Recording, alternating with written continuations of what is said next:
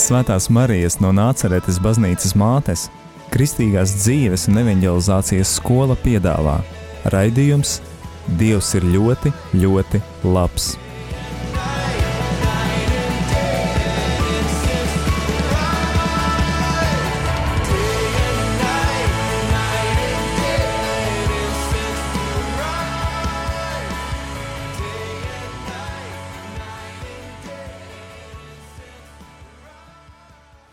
Sveiciens visiem radiom arī Latvijas klausītājiem pirmdienā. Mēs esam atpakaļ ar Sintīs liecību, kā jau solīts pagājušajā nedēļā. Un šī ir trešā epizode, kurā mēs apspriedīsim dievu un darbu. Un, pie, jā, kā jau teicu, sākumā pie mums šodien ir Sintī, kuras sniegs savu liecību par brīvprātīgo darbu. Tātad, Sintī, varbūt nedaudz var pastāstīt par sevi, iepazīstināt ar sevi, kā tev sauc, ko tu dari ikdienā. Jā. Jā, sveiciens visiem. Mani sauc Sintīna. Un um, ikdienā, ikdienā šobrīd esmu aktīvs students. Aktīvi studēju uh, otrajā kursā Latvijas Kultūras Akadēmijā, uh, kā arī strādāju. Uh, un pati nāku no Madonas, bet šobrīd dzīvoju Rīgā. Un uh, saistībā ar Radio Marijā uh, vadu Es jeb, esmu radio balss, viena no radio balss ēteru balsīm jauniešu raidījumam Kedās. Super, paldies! Un tad varbūt uh, mēs varētu sākt arī ar kaut kādiem ievadvārdiem, mm, varbūt arī kaut kādu tādu nelielu vēstures atskatu no tevis par to, kā tu vispār uzsāki, kā tu vispār uzzināji par brīvprātīgo darbu un kas tevi tajā piesaistīja. Jā, par brīvprātīgo darbu es uzzināju, manuprāt, 12 gadu vecumā vai 11 gadu vecumā, kad dzīvoju Madonā, aktīvi gāju uz uh, Madonas bērnu un jauniešu centru. Un, uh, turpat arī atradās kultūras nams. Un, uh, jā, un jauniešu centrā es piedalījos, man liekas, es nu, piedalījos visos pulciņos, kuros bija iespēja. Turismu sports, leļu teātris, teātris sports, improvizācijas teātris. Kaut ko es pat padarīju robotikā, kaut kādi floristikas pulciņi. Um, un uh, vēl tādas ģitāras pulciņi, mūzikas pulciņi, kas vien bija iespējami. Un, jā, un gāju šajos pulciņos, kuri bija arī nu, nosacīti bez maksas. Līdz ar to kaut kādā mērā tas arī bija tāds pirmais tā kā, ievads tam kā, brīvprātīgajam darbam, kur es eju, kaut ko daru. Un tad, protams, uh, attiecīgi uzreiz nāk, piemēram, improvizācijas teātrī, tur ir kaut kāda pasākumu organizēšana vai rīkošana. Uh, uh, vadīšana, un tas jau skaitītos tālāk kā brīvprātīgais darbs caur kaut kurieni. Un, uh, tajā vecumā biju ļoti aktīva un uh, dzirdēju par tādām iespējām kā Madonas novada jauniešu doma, bet kurai varēja pievienoties tikai no 13 gadiem. Un es ļoti, ļoti aktīvi gāju pie jaunas darbinieces, un tad pie viņas gāju un teicu, jā, man tūlīt septembrī paliek 13 gadi, un es uzreiz nāku uz jauniešu domu, jo es gribu, un citādāk jūs man neņemat, jo es neatbildu vecuma kategorijai. Un, jā, man palika 13 gadi. Tā arī bija. Es iesaistījos jaun, jauniešu domē un sāku aktīvi tur darboties. Bet tāpat laikā arī vienlaicīgi jau sāku arī vairāk iet kā skolēnu pašpārvaldē skolā. Uh, un jau labu laiku arī kalpoju savā draudzē, kā jauniešu vadītāja.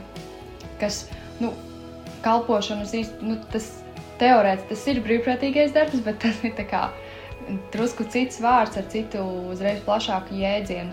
Tā kā tīri teorētiski es arī savā draudzē darīju šo brīvprātīgo darbu, jo, protams, es par to nesaņēmu, nesaņēmu samaksu, bet tā, protams, ir kalpošana. Uh, un tā, tā brīdī bija kalpošana dievam. Līdz ar to, ja šajā epizodē mēs runājam arī par, runājam par brīvprātīgo darbu, tad es ietveršu tos kaut kādus kalpošanas elementus, kas vienkārši nu, automātiski ir bijis, nu, ka es par šo nesaņemu naudu.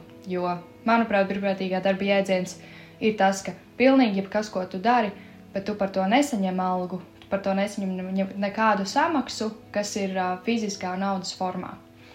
Uh, līdz ar to brīvprātīgais darbs var būt arī aiziet pie kaimiņienes, palīdzēt uh, uzkopt viņai nezinu, māju vai uh, sakrāmēt malku. Tas ir brīvprātīgais darbs. Tas ir arī paralēli pilsoniskais aktīvisms, kā nu, dem demokrātiskie jēdzieni. Um, vai arī jā, piedalīties kaut kādās tādās biedrībās, uh, kur fiziski atpakaļ nesaņem kaut kādu naudu, naudu kāpēc. Tā. Jā, paldies. Um, jā, un kamēr tu runāji, es tā arī pie sevis domāju par to brīvprātīgā darba jēdzienu. Uh, un sākotnēji, pirms, pirms tev vispār aicināju šo epizodi, man arī prātā, es, es to kalpošanu, kalpošanu dievam, kalpošanu jauniešiem, kalpošanu draugiem, uh, kalpošanu baznīcās arī ietver zem šī jēdziena brīvprātīgais darbs, tāpēc ka nu, tīri pēc tehniskiem terminiem tas, Tas, tas, ir, tas ir darbs, ku, par kuru nesaņem īsti atalgojumu. Uh, bet, jā, noteikti, un arī man šeit brīvprātīgie.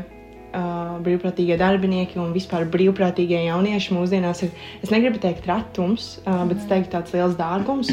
Uh, jo kamēr tu esi šajā burbulī, kurā visi cilvēki nodarbojas ar brīvprātīgo darbu, ir ļoti viegli, ļoti viegli uzskatīt, ka tas ir populāri un visi to dara un visi to grib darīt.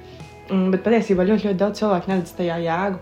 Un man interesē, kas tieši varbūt tevi mudināja, vai bija kaut kādi konkrēti mm, notikumi, vai, vai kaut kas, kas tevi ļoti īpaši piesaistīja brīvprātīgajā darbā, kas lika tev domāt, jā, es labāk daru šo, nekā es eju uh, strādāt atalgotā darbā un saņemtu par to naudu.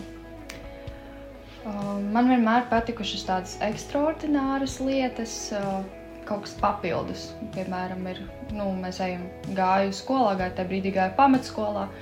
Un, jā, klases audzinātāji tur saka, nu, ko, nu, tad kā rīkojam klasi, rīkojam klases vakaru vai braucam ekskursijā. Un, un tad, bet, nu, varbūt kāds grib palīdzēt. Un, man bija tāds, nu, kāpēc lai es nepalīdzētu, ja man ir šis brīvais laiks? Man ir vēlme, man ir kaut kādi nu, kā resursi pieejami, tādi prāta, o, jeb o, darīšanas resursi. Un, uh, Un kāpēc tad, es to nedarītu, ja man tā kā gribās? Un es redzu, es redzu to pievienoto vērtību, ka izdarot šo lietiņu, es, piemēram, palīdzēšu visai klasē, ka būs, visai klasē būs foršs vakars, pēc vairāk sadraudzēsimies. Un tā kaut kā es katrā tajā lietiņā, brīvprātīgajā darbā, ko es gāju, vai, nu, piemēram, kalpošanā, es vienmēr saredzēju to jēgu. Es redzēju to, ka pat ja es neko neiegūstu, kāds cits iegūst. Kādam citam ir vieglāk, atvieglotāks darbs, ņemot vērā, piemēram, skolotāju slodzi Protams, skolotāji diezgan daudz atviegloja tās lietas, kad mēs palīdzējām. Un, jā, es redzēju tās, tās kaut kādas tās jēgas maziņās, kas, kas man ļoti, ļoti iedvesmoja. Jā, paldies. Vai tu kādreiz esi arī darījusi mm, brīvprātīgo darbu, saredzot kaut kādu mm, nevis atalgojuma elementu, bet varbūt tādu ieguvuma elementu mm. sev? Uh, jo tu ļoti, ļoti daudz arī stāstu par, par to, ka tu vēlies palīdzēt citiem cilvēkiem. Un tas ir ļoti, ļoti skaisti. Un es zinu, ka tu arī esi tāds cilvēks, kam ļoti rūp citi cilvēki un, un viņu ieguvums. Bet vai tev ir bijis kāds brīvprātīgais darbs, kur tu, kur tu esi darījusi priekš sevis? Mm -hmm. Ļoti daudz. uh, jo jā, tas viss, ko es minēju par tiem sākumiem, kā es sāku, uh, tur vēl bija turpinājums, uh, tagad paliekot vecākai, ejot šiem gadiem. Tie, tas viss turpinājums, piemēram, konferencēs, uh, būt brīvprātīgajai vai, piemēram, man liekas, tāds pēdējais oficiālais brīvprātīgais darbs, kurus piegāju no malas, bija kaut kāds viens no kinofestivāliem, kas bija Rīgā. Un tur, piemēram, iegūms, nu, es pastāvu pieejas, bet es varu redzēt pilnīgi jebkuru filmu tajā festivālā. Nu, tā kā ļoti labi. Nu, es redzu bezmaksas filmu, es iekonēju naudu. Un tā, un ļoti daudzi tieks nodrošina, nu, ja meklē brīvprātīgos, tātad brīvprātīgā darba nodrošinātāji, viņi uzreiz arī raksta tos kaut kādus iemeslus, ko, ko tu vari atpakaļ saņemt. Tur, piemēram, pieredze, zināšanas kaut kādā konkrētā kategorijā, um, bezmaksas pusdienas labākajā gadījumā. Un, uh, jā, bezmaksas ieeja, bezmaksas ieeja arī varbūt nākotnes pasākumos. Un tas ir tas, kas arī bieži vien pieķer, pieķer aci, un uz ko man bija tāds, jā, es gribu uzzināt vairāk, es gribu uzzināt vairāk lietas šajā jomā. Un gadiem, gadiem ejot, es jau nokļuvu tajā punktā, kur es pati koordinēju brīvprātīgos ar dažādām organizācijām un meklēju brīvprātīgos.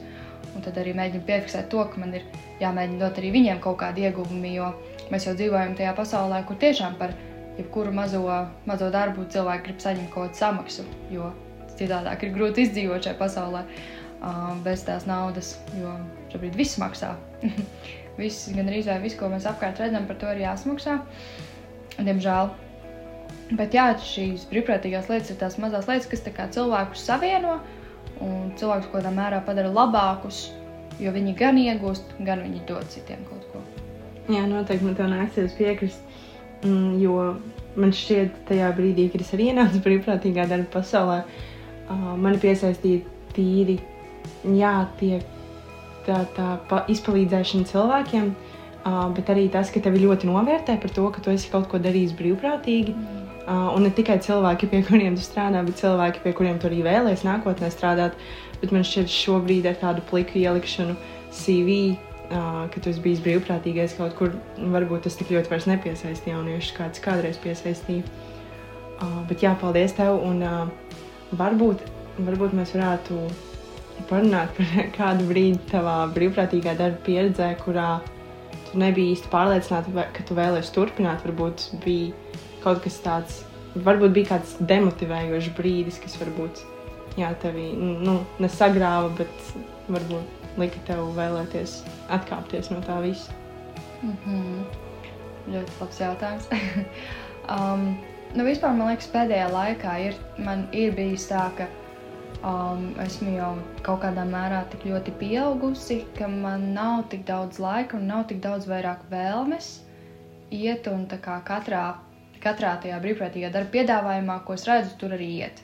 Jo šobrīd man ir kaut kādas lietas, kuras esmu, kurās es esmu konstanti jau vairākus gadus kā brīvprātīgais, kaut kāda jaunas organizācijas.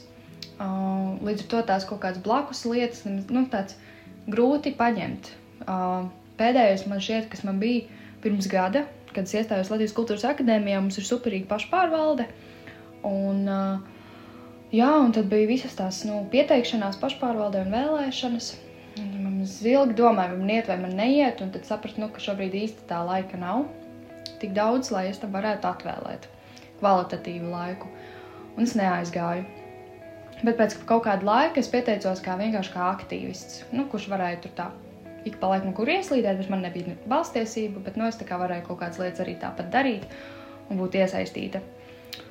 Un, uh, jā, un tas viss man bija tāds, jo es nebiju pārliecināta, ka man gribās līdz galam, ka man ir laiks, un uh, varbūt līdz galam neredzēju tos, to, ko es iegūšu atpakaļ. Jo mēs jau dzīvojam tādā ļoti milzīgā informācijas burbulī, kur tu redzi, redzi, redzi, dzirdi, o, re, kur šajā brīvprātīgajā darba iespējā bija daudz vairāk, ko iegūt atpakaļ, vai daudz vairāk, ko no mana darba dot. Tad, kā, tad jau tas jau nav salīdzināms ar kaut ko citu. Tad labāk es neaizēju uz to mazāko lietu, bet es gaidu nākamo lielo iespēju. Un tas bija mums pirms gada tāda domāšana. Un, jā, un tad es tiešām ņēmu diezgan maz brīvprātīgā darba iespējas, jo, jo sāku arī pelnīt atalgotu darbu paralēli studijām, un tad jau nu vispār tā laika nepalika pāri. Um, bet tagad pagājis gads, un es izdomāju, ka es iestāšos, iestāšos uh, otrajā reizē studējošo pašpārvaldē. Skatīsimies, kā man ies. Es ļoti ar tādām atvērtām cerībām. Uh, jo jā, tā laika tiešām tas laika trūkums, man liekas, mūsdienās ir tāds nu, jau ļoti aktuāls jautājums par laika menedžmentu un to visu. Bet uh, tā laikam man ir bijusi tāda, tāda pieredze. Nu, vēl ir bijuši kaut kādi gadījumi, kur tā kā e-pastā saņem kaut kādas lietas. Tad, kad pieskaties, tu vari to neatbildīs līdz galam e-pastam, bet tuvojas tas brīdis, kad ir uh, aktivitāte vai pasākums, un tu īsti nesaproti, kas tur notiek un kā lai es kā izplānoju laiku tālāk. Jā, bet nu, tāda ļoti, ļoti negatīva pieredze, man liekas, man nav bijusi. Jā, paldies. Tam man nāksies arī piebilst nedaudz par uh, tādu ļoti populāru tematu pēdējā laikā, par ko man šķiet, tu esi runājis arī savā raidījumā par izdegšanu.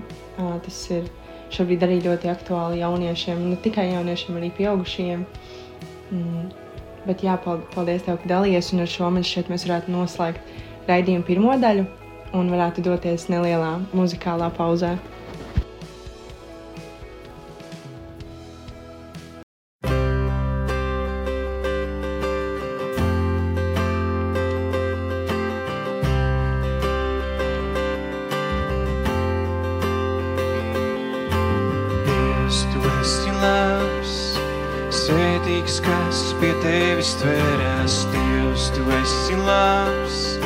Svētīgs, kas pie tevis tveras, bauda un redz, tu esi labs. Bauda un redz, tu esi labs. tu esi labs.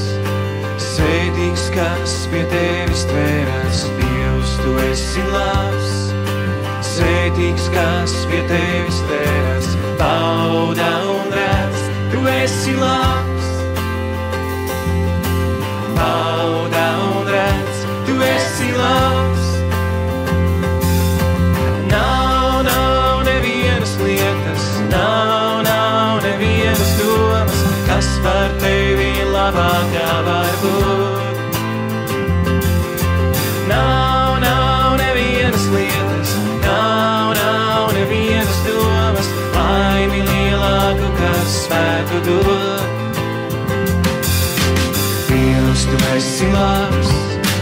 Sveitīgs, kas pie tevis tvēras. Dievs, tu esi labs, sveitīgs, kas pie tevis tvēras. Bauda un redz, tu esi labs. Bauda un redz, tu esi labs. Nav, nav nevienas lietas, nav, nav nevienas domas, kas par tevi labākā var būt.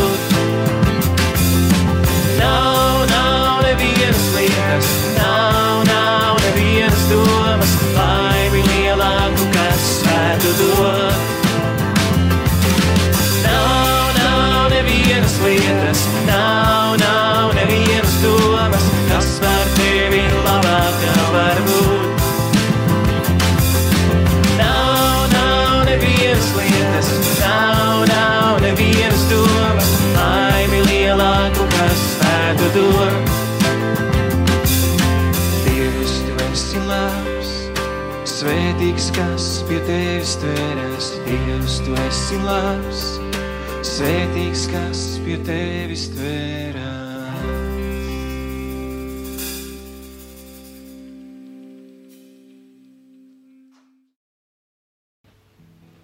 Un esam atpakaļ raidījuma otrajā daļā. Uh, Sintī, jā, es tev vēlējos pajautāt uh, par to, vai tev kaut kādā brīdī ir bijušas arī šaubas par brīvprātīgo darbu kā kalpošanu. Piemēram, par to pašu raidījumu kedās, vai par kalpošanu savā draudzē un, un grupiņu vadīšanu, kaut kādu varbūt kalpošanu arī nometnēs. Vai tev ir bijis tāds brīdis, ka tu to ne, nepagrūdi malā, bet varbūt atsakies atkāpies no tā personīgi iemeslu dēļ noteikti? Jā, nu, tāpat kā brīvprātīgā darba pieredze vispār pasaulē, tā ir bijusi ļoti liela, tā diezgan lielos apjomos. Uh, grūti būtu uzskaitīt. Tāpat arī kalpošanas ir bijušas neskaitāmas, um, sākot Madonā ar jauniešu vadīšanu, kur es sāku burtiski 12, 13, nu jā, 12 gadu vecumā, kas ir, kā, tas, tas ir reāli burtiski tas brīdis, kad tu pats kļūst par jaunieti, bet mani jau uzreiz piesaistīja kā jauniešu vadītāju. Uh, un kā es arī vienu brīdi biju sēdienas skolas skolotāja palīgs. Um, jo kaut kā ļoti ātri man viss attīstījās, un man arī bija ļoti labs um, draugs blakus, kurš bija diezgan vecāks par mani, un uh, mēs ar viņu kopā vadījām jauniešus. Un mums bija kā ļoti interesanti posmi, um, nu, jo Madona nav liela pilsēta, un it īpaši Madonas Lutrāņu draudzē nebija tā, ka ir izteikti daudz jauniešu. Nu jā, gan arī vispār nebija. Nu tā, bija tāds, tur bija tieši tas uh, vecuma pārēja, kad bija svētdienas skolā, bija diezgan daudz, un bija mazi bērni, daudz, bet jauniešu nebija. Jo, protams, pilsētās, kas ir ierasts, ir ierasts pēc 9. klases, vai tīpaši pēc vidusskolas, braukt uz Rīgu mācīties. Un, jā, un mums ar Artūru, tas ir jā, Artūrs, ar kuru mēs vadījām kopā jauniešu vakars, jā, mums bija tāds posms, gandrīz vai gads vai vairāk, kur mēs organizējām jauniešu vakarus, mēs gājām divi tādi jo neviens cits nenāca. Un mēs gājām, bet mēs tāpat mēs lūdzāmies par to, lai nākamajā reizē kāds atnāk, tad kāds atnāca. Un, um, tas bija tāds, tāds interesants posms, kur tu rīko, organizē, un, un neviens nenāk. neviens nenāk uz jauniešu vakariem iepazīt Dievu. Um, bet mēs tos izskatījām kā tādu ļoti svētu posmu, kur nu, šis ir tāds, tāds grūts posms, bet mēs tiksim tam pāri. Un, un tiešām ar tām lūkšanām mēs pēc kaut kāda laika mums bija ļoti daudz jauniešu bija diezgan daudz jauniešu, kur nāca. Un, un uh, tad bija arī posms, kur katoļu draugā tur tie jaunieši arī nenotika. Un tad katoļi nāca pie mums um, tīri kaut vai lai uzturētu to jauniešu būšanu. Un, um, un tas bija tāds tas ļoti, ļoti priecīgs brīdis. un, um, jā, vēl par citām kalpošanām. Pati pārvācos uz Rīgu, un tad arī bija visādas iespējas nometnēs kalpošanas, um, draudzēs, slavēšanas uh, un, un, un uh, citu jauniešu, citos jauniešos bijusi Jēzus jauniešos, Ģertrūdas jauniešos, nu kā organizatoru komandā drusku palīgs. Uh, Nu, tie posmi ir bijuši arī ļoti interesanti un oāzēs un, un tā, bet laikam man, es laikam slavēšanu minētu tādu, jo es spēlēju ģitāru, un tajā Madonas rajonā lielajā cilvēki, kristieši, kas spēlē ģitāru un dzied, jebkuri varētu novadīt slavēšanu, ir maz. Diezgan maz, un arī bija, tajā brīdī, kad bija, bija ļoti maz. Un tad, protams, bija kaut kāda mācītāja, kas zvanīja un prasīja, jā, sveiks, Sintīna, varētu atbraukt tur uz to dievkalpojumu, tur uz to Ziemassvētku koncertu, tur uz turieni, tur uz to pansionātu. Un es tā braukāju, braukājos, un tā kā ir jau forši, ir jau forši, bet vienā brīdī vienkārši nav spēka. Vienā brīdī jau, nu, tā kā paliek, nav vairs tā spēka, jo nav tas laiks, lai es varētu lūgt Dievam kā iegūt to enerģiju sevī, lai es varētu doties tālāk.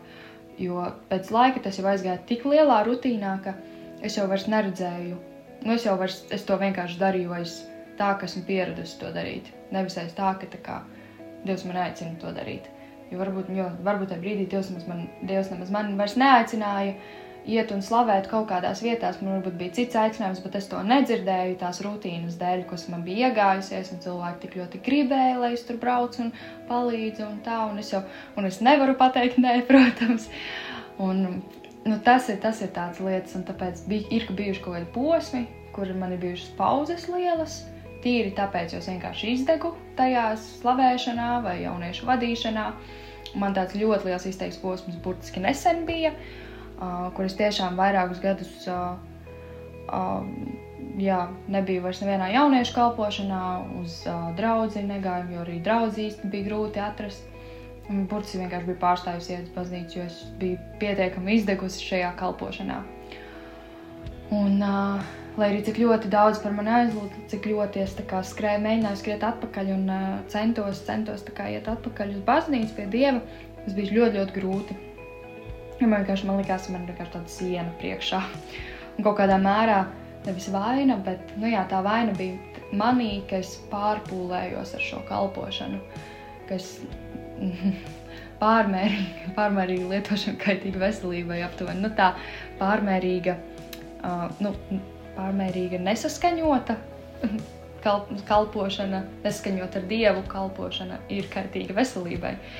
Jo mums jau, jā, vienmēr cilvēki gribēs, lai mēs kaut kur esam, kaut kur palīdzam, vai nometnēs. Bet jautājums ir, kā, vai Dievs saka, ka mums tas ir, vai mums tas ir jādara. Un, jā, tā, tā ir tāda mana atklāsme. jā, paldies. Un patiesībā tu arī ilustrēji tādu ļoti svarīgu punktu uh, par to ar dievu nesaskaņoto kalpošanu. Mm -hmm. Man liekas, ļoti, ļoti skaisti pateicis to. Uh, jā, es pēdējā laikā ļoti daudz esmu runājis ar citiem kalpotājiem, un tieši viņiem arī ir šie atklāsmi, it īpaši pēdējā laikā, ko viņi tikai tagad ir sapratuši, ka tu nevari skriet visur, kur tevi aicina, jo kalpotāji nav nemaz tik nežēlīgi daudz, kā, kā gribētos. Vai kā šķistu. Un, bet patiesībā, jā, esot kalpotājiem pašiem ir ļoti nu, noteikti jālūdzās par to, kur, kur Dievs tevi grib. Nevis kur citi tevi grib un kur citi tevi redz. Um, jā, varbūt jūs tagad nedaudz varētu ieskicēt to, kā tu atgriezies kalpošanā. Tā kā mēs paši tikko esam atbraukuši no Rudens oāzes nometnes jauniešiem, kurā tu starp citu slavēji un bija ļoti, ļoti skaisti. Tu vadīji slavēšanas. Uh, jā, vai tas tev vēl joprojām, mm, vai tev tas ir kaut kāda veida nasta, vai tas ir vēl mm, tāda, vai tas tev dod tādu pienākumu izjūtu, vai, vai šoreiz tas bija citādāk. Mm -hmm. Jā, mhm. kā, kāda ir tāda. Un tu jau kādu laiku, man šķiet, esi atgriezusies no tās izdegšanas. Mm -hmm. Un uh, visi esam ļoti, priecīgi par tevi. Un um, noteikti arī dzirdēt tavu balsu rādio, ko, ko tāpat darīja paralēli visu laiku. Bet jā, kā, kāds bija tas ceļš atpakaļ? Jā, kā jau minēju, ka rādio es biju visu laiku, jo um, tā bija kaut kā viena no vienīgajām lietām, kas mani kaut kādā mērā tuvē, tu, tuvināja, jeb paturēja vēl tajā kristīgajā pasaulē. Jā, bija radio un, un draugi, kur ir kristieši. Bet jā, pēc manas lielās izdegšanas, kas bija gan par pa dzīvi, gan baznīcā kalpošanā, um, kas bija tiešām ļoti, ļoti liela, uh, uh, es uh, izgāju Samuēla gadu, kur es arī gāju tā iemesla dēļ, lai saprastu, kas notiek. Un tad es tā kā aptuveni sapratu, ka esmu izdegusi, un tad viņi mēģināja dažādas lietas vēl darīt. Um, un ik pa laikam vēl paņēmu kaut kādus projektus, uh, piemēram, celsimies un celsim, kas mums izdevās ļoti lieliski. Bet arī pēc tam, pēc šī projekta, kuras arī ļoti daudz ieguldīju sevi, um, man arī bija tāds, tā kā, man bija pauzīte. um, bet tagad, um, jā, tikko bijām rudens oāzē un, un, un, un ar draugiem dodamies ik pa laikam vēl vis kaut kur aizējam kaut kādās kalpošanās, kaut kur uz jauniešu vakariem. Būt atpakaļ mm, bija oāzē, kā kalpotāji, ļoti interesanti. Es biju ļoti priecīga, es ļoti gribēju doties, ļoti, ļoti gribēju, jo zināju, ka nu, uz oāzēm es vienmēr esmu braukusi. Bet atbraucu uz turieni, man tā kā pa laikam sirdī bija kaut kas tāds, kas mani atturēja no kaut kā. Līdz ar to es mēģināju vienkārši plūst tajā brīdī. Nedomāt par to, kur es esmu, kāpēc es esmu, kas man ir jādara, vienkārši būt. Tad, kad apkārtējie lūdz, tad es arī lūdzu. Um, tad, kad kaut kas notiek, tad es arī tur esmu bet uh, mēģināt nedomāt par kaut kādām lietām, jo jā, tā izdegšana ir ļoti spēcīgs, liels temats, no kā atgriezties, kā tas ir ļoti katram individuāls gadījums. Bet jā, es slavēju, man patika. patika slavēt, bet es pat jūtu, ka man vēl ir ļoti liels kā, ceļš, lai nokļūtu līdz tai tiešām no sirds ar deksmi kalpošanai, kāda man bija agrāk jo tas ir tas, kā kalpot mēs varam, bet vai ir tā, tas uguns sirdī, un es visu laiku to uguni meklēju. un pēdējos gadus un mēģinu atrast, un lai atpakaļ man, nu tā, ieietu mani atpakaļ, jo, protams, laicīgajā pasaulē brīvprātīgo darbu darīt ir ļoti vienkārši. Nu, tā kā tu aizdeji, izdarīji pastāvīgi, skanēji biļetes vai o, organizēji pasākumu. Bet, nu, baznīcā mums tomēr, nu, tur ir pavisam cita pasaule, un tur ir, tur ir tur ir viss tā svētajā garā un, un viss, um, viss ļoti mīlestībā. Tas ir pilnīgi kaut kas cits. Tāpēc arī šo pilnīgi kaut ko citu ir daudz, noteikti daudz grūtāk darīt. Tas ir brīvprātīgais darbs, bet tas ir ekstra līmenis brīvprātīgajam darbam. Jo tiešām tev ir jābūt tajā vietā, tev ir jābūt kopā ar Dievu. Un viss, ko tu dari, tam jābūt saskaņā ar, ar Dievu un mīlestībai, tīpaši, piemēram, nometnes organizēt nu, ja esmu nometnē, kur ir 50 jaunieši, es nevaru iet un darīt kā, visu, kā man gribas, ko es gribu. Es tomēr esmu tur šiem jauniešiem, kuri ir šajā posmā uz ticību, posmā uz, uz tā, tādu kristiešu dzīvi. Un es, viņi, jau, viņi jau uz mums skatās reizēm kā uz piemēriem. Un, un, jā, tā kā šajā oāzē es tā, es tā vienkārši plūdu, es netrakoju. um, biju, kur vajadzēja. Un par to esmu ļoti laimīga. Un, um, šobrīd arī jā, mēģinu varbūt tā nepārdomāt katras domas, kas man ienāca prātā, jo līdz galam mēs jau nezinām, kā, kuras domas ir no dieva un kuras nav no dieva. Un, uh, un tā, tā kā ļoti, ļoti, ļoti jauka oāze, bet jā, jāatceras ir lūgt pirms notikumiem, pirms lietām. Uh, Tas mums ar draugiem apstiprinājās pirms kaut kā organizēšanas vai vadīšanas iepriekš palūkties par to un komandai aizlūgt par to. Citādāk var noiet greizi, bet jā, tādā ziņā mācījāmies un bija ļoti svetīgi. Paldies, tev, Milzīgs, Sintī, par šodienas epizodi. Pilnībā varu tev piekrist, ka Oāze bija super un vēl lielāks prieks, ka tu tur biji jā, ļoti, ļoti daudz arī nozīmē tava, tava kalpošana, tava slavēšana. Un jā, paldies, ka dalījies ar savu stāstu. Jā, un varbūt uz atvadām tu varētu dalīties ar kādu, varbūt novēlējumu, ieteikumu vai jā, vispār kādu atziņu ar klausītājiem. Mm -hmm, labi. Um, jā, jums, darbie klausītāji, darbie radiokamā arī Latvijas klausītāji, novēlu, uh, novēlu grūtos brīžos nepadoties un atrast to, kas jūs velk atpakaļ pie labā. Um, vai tie ir draugi, vai, vai tās ir lūkšanas, varbūt bībeles lasīšana, katram tas ir individuāli, bet pieķerties pie tā un ik pa laikam ar solīšiem doties atpakaļ, atpakaļ tajā tā kā ierastajā dzīvē, tas ir tāds par izdegšanu saistībā, bet par brīvprātīgo darbu. Um, jā, nepārpūlēties, nepārpūlēties um, gan laicīgajā pasaulē, gan arī baznīcas kalpošanā. Un, uh, un saprast, kas ir tas, kas uz to brīdi tev ir vajadzīgs, kas tev palīdzēs, vai kas palīdzēs arī kādam citam, saprast tiešām to jēgu. Um, un to, vai tas ir saskaņā ar Dievu. Un, uh, jā, un galvenais to visu darīt mīlestībā. Un, tas ir tas, kas visvairāk man visu iedvesmoja šo darīt kopš pašas bērnības. Ir tas, ka es to izdarīju mīlestībā, ar laipnību, ar prieku. Un tādā veidā ļoti daudzi citi laicīgajā pasaulē, kad es darīju brīvprātīgo darbu, ļoti daudz redzēja manī šo dievu mīlestību, ko es ieguvu kalpojot baznīcā. Tā kā tas tāds win-win situation, apvienīgi kalpojot baznīcā, iegūt to, to mīlestību, ko es gāju tālāk dalīt citiem um, šajā brīvprātīgajā darbā kas bija skolās vai kaut kur citur. Tā kā par to ir ļoti liels, liels paldies Dievam, ka man bija šāda iespēja un joprojām tā ir. Paldies, Sintī, paldies tev vēlreiz. Un paldies arī jums, klausītāji, ka pieslēdzāties un tiekamies jau nākamnedēļ, nākamajā Dievs ir ļoti, ļoti labs epizodē.